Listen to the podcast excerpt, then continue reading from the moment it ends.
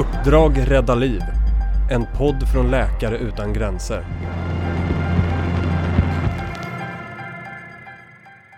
När man tar emot Nobels fredspris då får man en medalj, man får ett diplom och ungefär 9 miljoner kronor. Och diplomet det kan man ju hänga på skrytväggen och medaljen, ja det också. Men vad gör man med alla pengarna? Jag vet inte vad du som lyssnar skulle ha gjort, men när Läkare utan gränser tog emot priset 1999, för 20 år sedan alltså, så startade vi en kampanj för att alla ska ha tillgång till livräddande läkemedel. Och det här avsnittet av vår podcast Uppdrag rädda liv ska handla om just den, nämligen Access-kampanjen. Jag heter Katinka Agneskog och arbetar på Läkare utan gränsers kontor i Stockholm. Och mitt emot mig så sitter vår humanitära rådgivare Peter Jan van Egmont, eller PJ som det också kallas. Välkommen! Tack så mycket. Du började på Läkare utan gränser med ett fältuppdrag i Angola för sådär 15 år sedan. Mm, stämmer. Och nu jobbar du på kontoret med vårt påverkansarbete. Stämmer bra. Vad betyder det?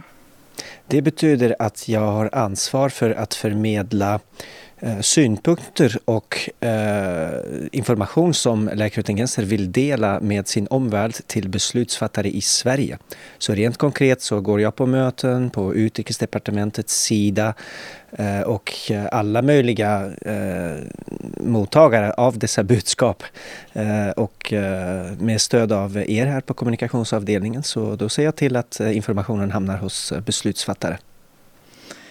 Men om vi nu tar och transporterar oss tillbaka till året 1999.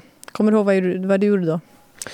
Då reste jag väldigt mycket. Jag jobbade som reseledare och hade precis pluggat klart och visste inte riktigt vad jag skulle göra med mitt liv. Så det var några år innan jag hamnade hos Läkare utan gränser. Men det var en intressant period ändå. Vi kan ta en liten recap för er som var med. Lewinsky-skandalen var i full gång. Filmer som The Matrix och Notting Hill gick på biograferna och Läkare utan gränser tilldelades ju då Nobels fredspris. Varför valde man att sätta prispengarna på en kampanj för att göra läkemedel tillgängliga för alla? Så 1999 var en period då den eh, dåvarande aids, eh, som då kallas för en pandemi, rasade för fullt. Så man såg eh, enorma antal människor, eh, framförallt i södra Afrika, som dog av eh, anledningar som inte alltid var lika klara. När aids också i västvärlden hade börjat få mer och mer uppmärksamhet som oftast också blev eh, förknippad med väldigt mycket rädsla. Eh, alla som har sett Jonas Gardells eh, serie Man torkar inte tårar utan handskar Torka aldrig tårar utan handskar. Exakt. Det var ju väldigt mycket så eftersom aids som sjukdom var okänd. Folk var rädda för det, förknippades med särskilda målgrupper. Men det var faktiskt en, en hård verklighet som Läkare utan gränser personal upplevde varje dag ute i våra projekt. Och varför det fanns så mycket ilska och, och frustration kring denna frågan var just att det fanns brist på eh, först och främst diagnostik, så man visste inte om man hade eh, om man var hiv-positiv. Men det fanns också inga, inga behandlingar. Eh, det fanns brist på politisk vilja att erkänna att det var en kris. Men när man väl hade fått så att säga eh, politikerna att erkänna att det var en, en, en, enorm global hälsokris med enorma stora antal människor som dog eh, av sjukdomen eller, eller konsekvenserna av sjukdomen så var det väldigt upprörande att de få behandlingar som fanns, att de inte var tillgängliga för våra patienter på grund av den extremt höga kostnaden. Och just denna upprördheten eh, kanaliserades då eh, i form av att man tog prispengarna från Nobelpriset och startade en särskild kampanj från Läkare utan gränser för att öka tillgången till läkemedel. Fanns det andra sjukdomar utom hiv som vi såg i fält? Just då eh, var det en, en, en, en, en, en bred problematik kan man säga. Så man hade definitivt eh, HIV som också i länder som Sydafrika hade väldigt mycket aktivism. Eh, just i denna perioden har flera av de stora namn i Sydafrika, Desmond Tutu. Det var ju väldigt mycket som hände just då i landet. Så HIV var väldigt mycket i fokus för just prisfrågan eftersom det var så pass slående att medan patienterna kommer till eh, ens sjukhus eh, svårt sjuka, försvagade. Eh, det finns flera berättelser om hur de dog i väntrummet. Så det var såklart väldigt upprörande att det var på grund av prisfrågan.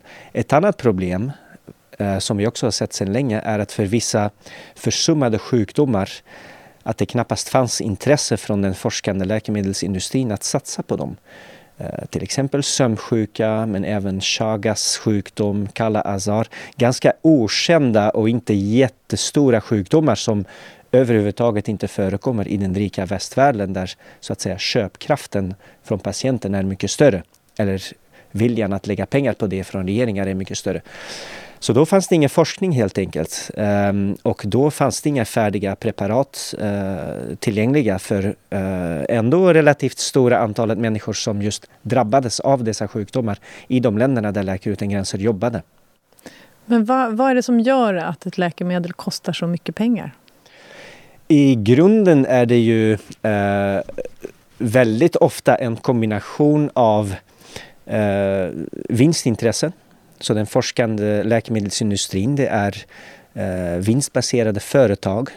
De måste helt enkelt hantera en affärsmodell som utgår från att de måste öka värdet av sina aktier och ha tillräckligt med finansiella resurser för att klara av sina satsningar. Utöver detta så är det definitivt så att forskning och utveckling av läkemedel kan vara väldigt kostsam och utdragen. Det är ingenting som vi ifrågasätter att det, det kan kosta väldigt mycket pengar och det finns exempel på till exempel satsningar som inte alls har lett till resultat. Eh, Aids-vaccinet är ett sådant exempel. Där har man forskat under väldigt många år utan resultat. Däremot vad gäller så att säga förklaringen som man brukar ge är att nej men det kostar väldigt mycket pengar med forskning och utveckling och därför måste man ha en tillräckligt hög eh, kostnadsersättning som då oftast går ut på att själva produkten är dyr. Men eh, egentligen är det väldigt få som vet exakt hur mycket pengar det handlar om och just framförallt om läkemedel som då drabbar våra patienter hårdast idag. Det var samma för HIV. Eh, det finns, det finns väldigt mycket mytbildning kring exakt hur mycket är det vi pratar om. Och det är väl också en annan sak som, som Access-kampanjen haft som fokus är att låt oss åtminstone föra debatten mer baserat på fakta och insyn i vad exakt är det för kostnader vi pratar om. Och sen så är det ju det här med patent. Vad innebär att ett läkemedelsbolag har patent på ett läkemedel? Mm. Alltså, immaterialrätten som det heter eh, innebär att en uppfinnare av ett produkt eh, kan få eh, skydd för sin uppfinning. Och det gäller för allt ifrån eh, ja, vardagsprodukter som vi använder eh, så man kan registrera ett patent helt enkelt och därmed få en tidsbegränsad skydd att ingen annan får eh, kopiera exakt samma produkt utan att betala rättigheter. Det, det gäller för låtskrivare eller för, för folk som skriver texter. Och det är väl likadant för, för läkemedel. Och eh, man ser hur så att säga, den, den i, i, i grunden helt vettiga eh, synen att man måste skydda sin uppfinning och kunna Eh, marknadsföra den eh, för att få tillbaka eh, sin investering. Hur den egentligen mer och mer har eh, missbrukats av de stora läkemedelsföretag egentligen för att enbart skydda sina vinstintressen. Så det har ingenting att göra med vetenskapliga eller tekniska kunskaper eller möjligheten att utveckla billigare varianter. Det är helt och hållet ett politiskt beslut att eh, låsa marknaden och försöker att skydda eh, de etablerade läkemedelsföretagens vinstintresse eh, så mycket som möjligt och så länge som möjligt. Och hur har Access-kampanjen jobbat med att påverka de här patent... Eh? Vi har gjort det på olika sätt. Just vad gäller eh, södra Afrika och HIV striden, som man får kalla den för, början på 2000-talet, så var det ju flera eh, aktivistgrupper som bröt mot lagen. De importerade billigare HIV-läkemedel från Thailand till exempel och de var väldigt öppet med det. Så de sa att vi vet att vi bryter lagen men vi gör det för att göra ett statement. Det här kan inte vara så att folk dör bokstavligen i väntrummet till sjukhuset på grund av att en behandling är för dyrt medan det finns behandling billigare på en kort flygresa till ett annat land. Så, så då, då gjorde man det. Sen har det hänt en hel del tack vare det påverkansarbete som Läkare utan gränser och andra har gjort. Så man har skapat ett antal undantagsregler för till exempel tillgång till läkemedel men också ett antal andra produkter som på grund av den här globala orättvisan, som man ändå får kalla det för, var utanför räckhåll för fattiga människor. I grunden är det ju eh, någonting som Läkare utan gränser alltid har gjort och sagt att man måste hålla patentsystemet på en nivå där det inte direkt skadar eh, våra patienter i form av att de inte kan ha tillgång till en produkt. En annan sak som vi har gjort eh, och mer och mer eh, på senare år är att vi själva aktivt eh, ifrågasätter patent. Vi märkte att patenten som beviljades inte alltid var för att skydda en, vad vi tyckte, en, en riktig innovation, utan det var bara för att värna deras marknadsintresse. Till exempel ändrar man eh, formen, man kanske har en flytande variant istället för ett piller eller man har en, en, en, en liten, liten ändring i, i produktform. Då har vi själva ibland eh, ansökt om en, en, en, en patentopposition och det är ju rättegångar som sen pågår så ibland får vi rätt, ibland har vi fel. Så det är någonting som vi också gör. Fast har inte de här äh, bolagen rätt att göra vinst, att faktiskt tjäna pengar? Mm. De har ju också sina anställda och som du sa tidigare, de forskar ju kring saker som mm. kanske inte alltid äh, mynnar ut i ett läkemedel. Självklart och eh, som vilken annan kommersiell verksamhet som helst så, så, eh, skapar de också värde och vinst och anställer människor, eh, inte bara i västvärlden utan och det, och det är viktigt att inte, inte gå i fällan att vi på något sätt skulle vara emot en, en forskande läkemedelsindustri. Det är inte det det handlar om. Vi vill se så mycket som möjligt konkreta lösningar för att människor inte ska dö eller fortsätta vara sjuk i behandlingsbara sjukdomar. Hur man sen löser detta är, är eh, beroende på vilken sjukdom man pratar om. Eh, men det finns också många lösningar som man kommit till i form av eh, hälsobiståndet. Och där måste man ändå se att det har hänt en hel del. Till exempel så har man skapat Globala fonden för HIV, TB och malaria som hittar konkreta lösningar för att öka behandlingar för dessa sjukdomar i fattiga länder som ansöker om, om eh, bidrag från denna fonden. Eh, Sverige är en stor givare eh, till denna fonden, vilket är jättepositivt. Men man kan säga att vi i grunden försöker att lyfta frågan utanför det rena så att säga, välgörenhet och bistånd. För det är ingen långsiktig lösning. Så Access-kampanjen är inte emot vinster och patentlagar i sig? Nej, bara när de stoppar fattiga människor från att ha tillgång till behandling. Mm. Vi pratade lite tidigare om forskning, att det är väldigt viktigt att forska kring mm. fram nya läkemedel. Eh, men det är inte bara läkemedelsföretagen som bedriver den här typen av forskning. Precis. Eh, forskning är en kombination av eh, offentliga satsningar, eh, universitet, eh, stiftelser och industrin. Och eh, det beror på vilken typer av produkter och vilken typ av forskning man pratar om, att det är mer eller mindre framgångsrikt. En generell trend däremot är väldigt tydligt att infektionssjukdomar, den typen av sjukdomar som Läkare utan gränser behandlar i våra projekt, eh, hepatit, eh, lunginflammation, tuberkulos. Där har den, den industrin, alltså den privata sektorn, tappat intresse totalt. Varför det, då? För att det inte är tillräckligt vinstgenererande. I förhållande till vilken I förhållande till livsstilssjukdomar. Som eh, diabetes? Som diabetes, och... fetma, eh, hår, hår, eh, håravfall. håravfall. Eh, utan att göra en karikatyr, såklart cancerforskning har ändå haft väldigt mycket uppmärksamhet från industrin. Eh, men även där ser man att Eh, vinstmöjligheterna är ibland en faktor i hur man hanterar både forskningssatsningar men även hur pass dyra de produkterna är när de kommer ut på marknaden. Just nu ser man en trend att väldigt många av de nyare läkemedel är exceptionellt dyra och detta är en pågående etisk debatt som inte bara förs av Läkare utan gränser utan i allra högsta grad av eh, flera länder, inte bara utanför Europa men även i, i, vissa länder i Europa som Italien, Spanien, Frankrike har priset på läkemedel eh, varit en, en, en, en rätt så tuff politisk debatt. Så det är inte bara vi som har sagt det, att det finns ett grundläggande problem med nuvarande eh, biomedicinsk forskningssystem det måste komma till fler kreativa förslag. Det finns väldigt mycket så att säga, debatt men väldigt lite har hänt eh, vad gäller den politiska satsningar på den här typen av nya modeller. Jag vet ju att Läkare utan gränser också bedriver eh, forskning.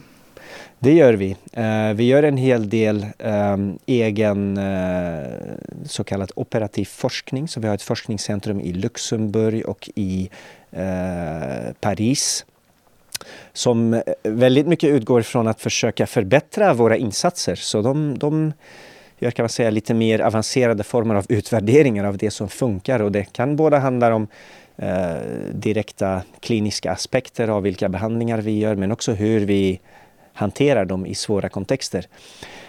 Vi har också försökt att lösa den här problematiken som vi var inne på tidigare med sjukdomar som inte är intressanta ur vinstsynpunkt eh, sömnsjuka, eh, Chagas sjukdom. Det finns en rad exempel på så kallade försummade sjukdomar. Eh, I 2003 har Läkare utan gränser själv tagit initiativ till att starta ett eget forskningscentrum eh, som blev ett samarbete med ett antal andra aktörer och som kallas för DNDI, Drugs for Neglected Diseases Initiative och som har just riktat in sig på de här små eh, försummade tropiska sjukdomar som ändå skördar väldigt många liv eh, på vissa platser där vi jobbar. Och det har varit väldigt framgångsrikt. De har lyckats forska fram eh, åtta eh, behandlingar som då eh, på olika sätt har, har kommit till hands. Så vi har kunnat ändå bevisa att det går att bedriva småskaligt öppen forskning där forskningsresultaten är tillgängliga för alla. De hålls inte hemligt, de eh, blir inte underställt marknadsstrategier eller så, utan det, det, är bara för att få fram en behandling där vi har satt upp tillgänglighet och åtkomlighet för våra patienter som ett främsta mål från början. Du har sagt det tidigare här nu, eh, försummade sjukdomar. Vad är mm. egentligen en försummad sjukdom? Det är en sjukdom som inte får mycket uppmärksamhet på grund av att det handlar om en liten patientgrupp. Det kan handla om väldigt specifika eh, målgrupper i ett, i ett litet antal länder. Eh, ett annat sådant exempel är ormbett. Eh, vi har pratat om ormbettsförgiftning eh, sedan väldigt många år. Fast det är väl ingen sjukdom, tänker jag då? Det är ett sjukdomstillstånd som är eh, en följd av att man blir biten av en orm. Eh, och i många länder är det ju en, en, en rätt så stor eh, problem för, för lokalbefolkningen. Man pratar om över 100 000 dödsfall per år. 400 000 människor världsvitt som blir egentligen skadade för livet på grund av ett ormbett och det finns väldigt lite effektiva tillgängliga behandlingar på marknaden. Och förra året var vi väldigt glada att Världshälsoorganisationen äntligen har satt upp ormbettsförgiftning på sin lista av så kallade försummade tropiska sjukdomar. Eh, för i sin omfattning är den inte så liten, i alla fall inte när man tittar på, på enskilda eh, samhällen och länder och, och, och, vissa, vissa grupper, till exempel fattiga arbetare som eh, migrerar för att jobba, jobba i jordbruk och så. Det är en sån typisk målgrupp som drabbas rätt hårt i vissa länder av ormbettsförgiftning och det fanns väldigt få preparat på marknaden tillgängliga för dem. Ja, för det här handlar ju inte om turister som reser på safari i Kenya utan det här, vilka länder är det du pratar om? Eh, det är till exempel eh, ett stort problem i östra Afrika, Etiopien, eh, Sydsudan, Uganda, även östra Kongo. Eh, sen kan det säkert finnas också eh, turister i Kenya som eh, blir biten av ormar och som, men i regel har de också pengar för att köpa ett bra preparat på privata marknaden. Det har sällan eller aldrig lokalbefolkningen i Ituri-provinsen i östra Kongo eller eh, på landsbygden i Etiopien. Jag vet ju att ett av de mest mer effektiva motgiften, Fav Afrik, slutade tillverkas för inte så länge sedan. Om det nu finns ett effektivt motgift, varför slutar man tillverka? Det är ju återigen det där med intresset från industrin. Eh, och egentligen är det inte så konstigt om så att säga eh, värdet på sina aktier är det som driver de beslut som fattas. Återigen, det är kommersiella institutioner och om de har svårt att eh, motivera att de fortsätter satsa på vissa saker, då krävs det politisk vilja och eh, andra typer av satsningar för att sätta upp dem. Och det finns ett antal modeller för det, men de har, eh, som jag sa tidigare, hittills inte lett till särskilt mycket konkreta resultat för ett antal av de sjukdomar som vi pratar om. Och förutom patentlagar som vi har pratat om och, och eh, forskning så jobbar Access-kampanjen också med att göra vaccin tillgängliga. Mm. Varför, varför jobbar man med det också då? Det är egentligen samma problematik eh, i, i, lite av en annan form. Eh, vaccin är ju utan tvekan, eh, och där tror jag att det, det råder stor eh, enighet, eh, ett av de mest kostnadseffektiva sättet att förebygga ett stort antal av de sjukdomar som, som, som vi behandlar men som även drabbar, drabbar väldigt många människor i fattiga länder fortfarande eh, när vi ser antalet mässlingsfall som vi fortfarande behandlar i, i länder som Kongo eller Tchad eh, så borde det inte vara. Det finns ett antal av de nyare vaccin som har forskats fram, eh, bland annat mot, eh, mot vissa diarrésjukdomar, rotavirus, men även eh, mot vissa typer av lunginflammation, så kallat pneumokockvaccin. De är ganska nya, de har inte funnits längre än, än, än ja, 10-15 år. Um, och de, har, de är också väldigt dyra. Uh, så pass dyra att de i många länder helt enkelt inte köps in av nationella hälsomyndigheten eftersom försäljningspriset är alldeles för högt. Och vad är dyrt när du säger dyrt? Dyrt, det kan handla om... För det första så varje land betalar ett annat pris. Och det är en, en grej som vi har pratat om sedan länge, att, att man åtminstone vet baserat på vad förs debatten.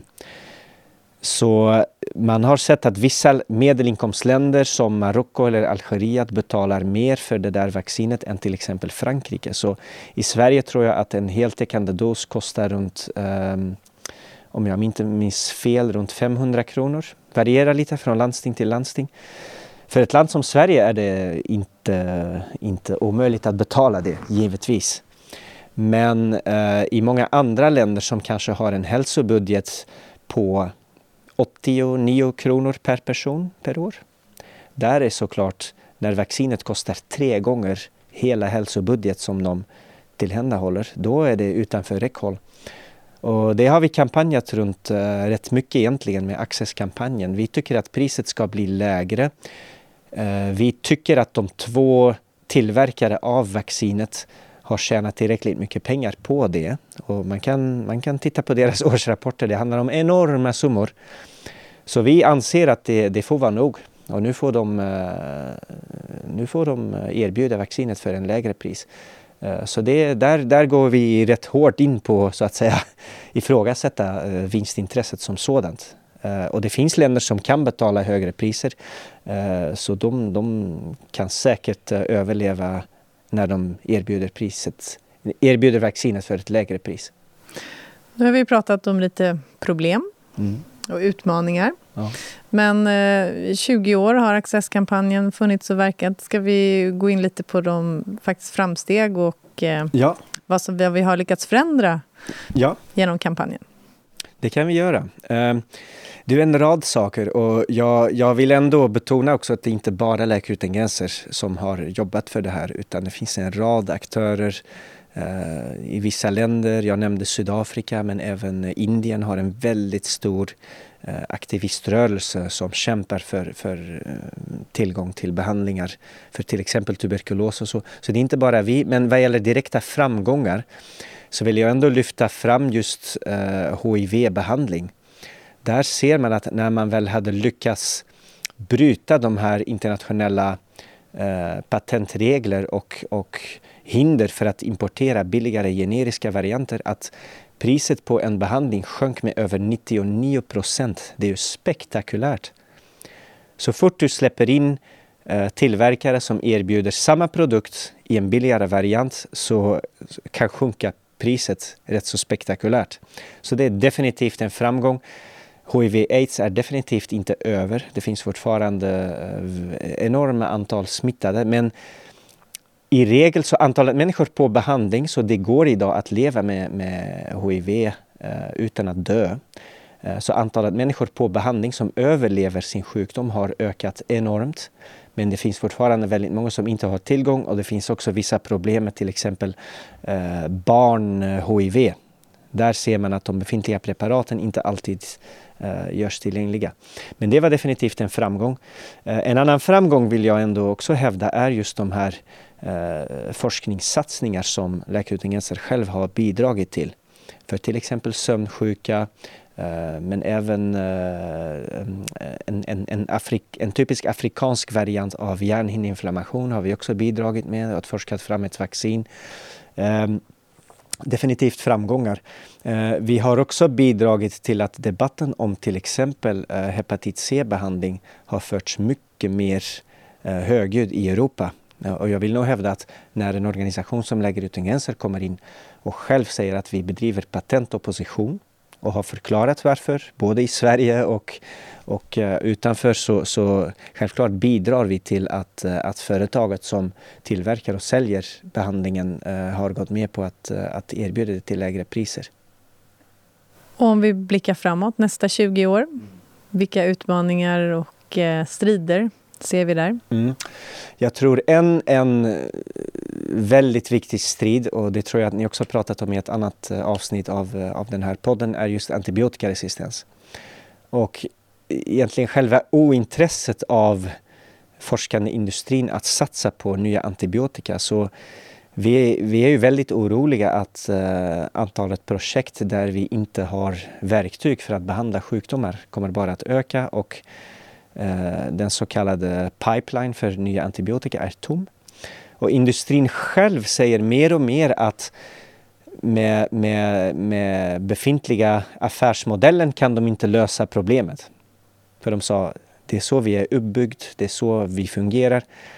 Så där är det ändå politisk vilja att göra riktade satsningar på de här nya modeller som i fackspråket kallas det för delinkage, så att man kopplar loss um, uh, själva forskningssatsning och kostnad från produktpriset. De finns i teori men det är ganska lite som har hänt i praktiken och det blir tror jag den största framtidsutmaningen.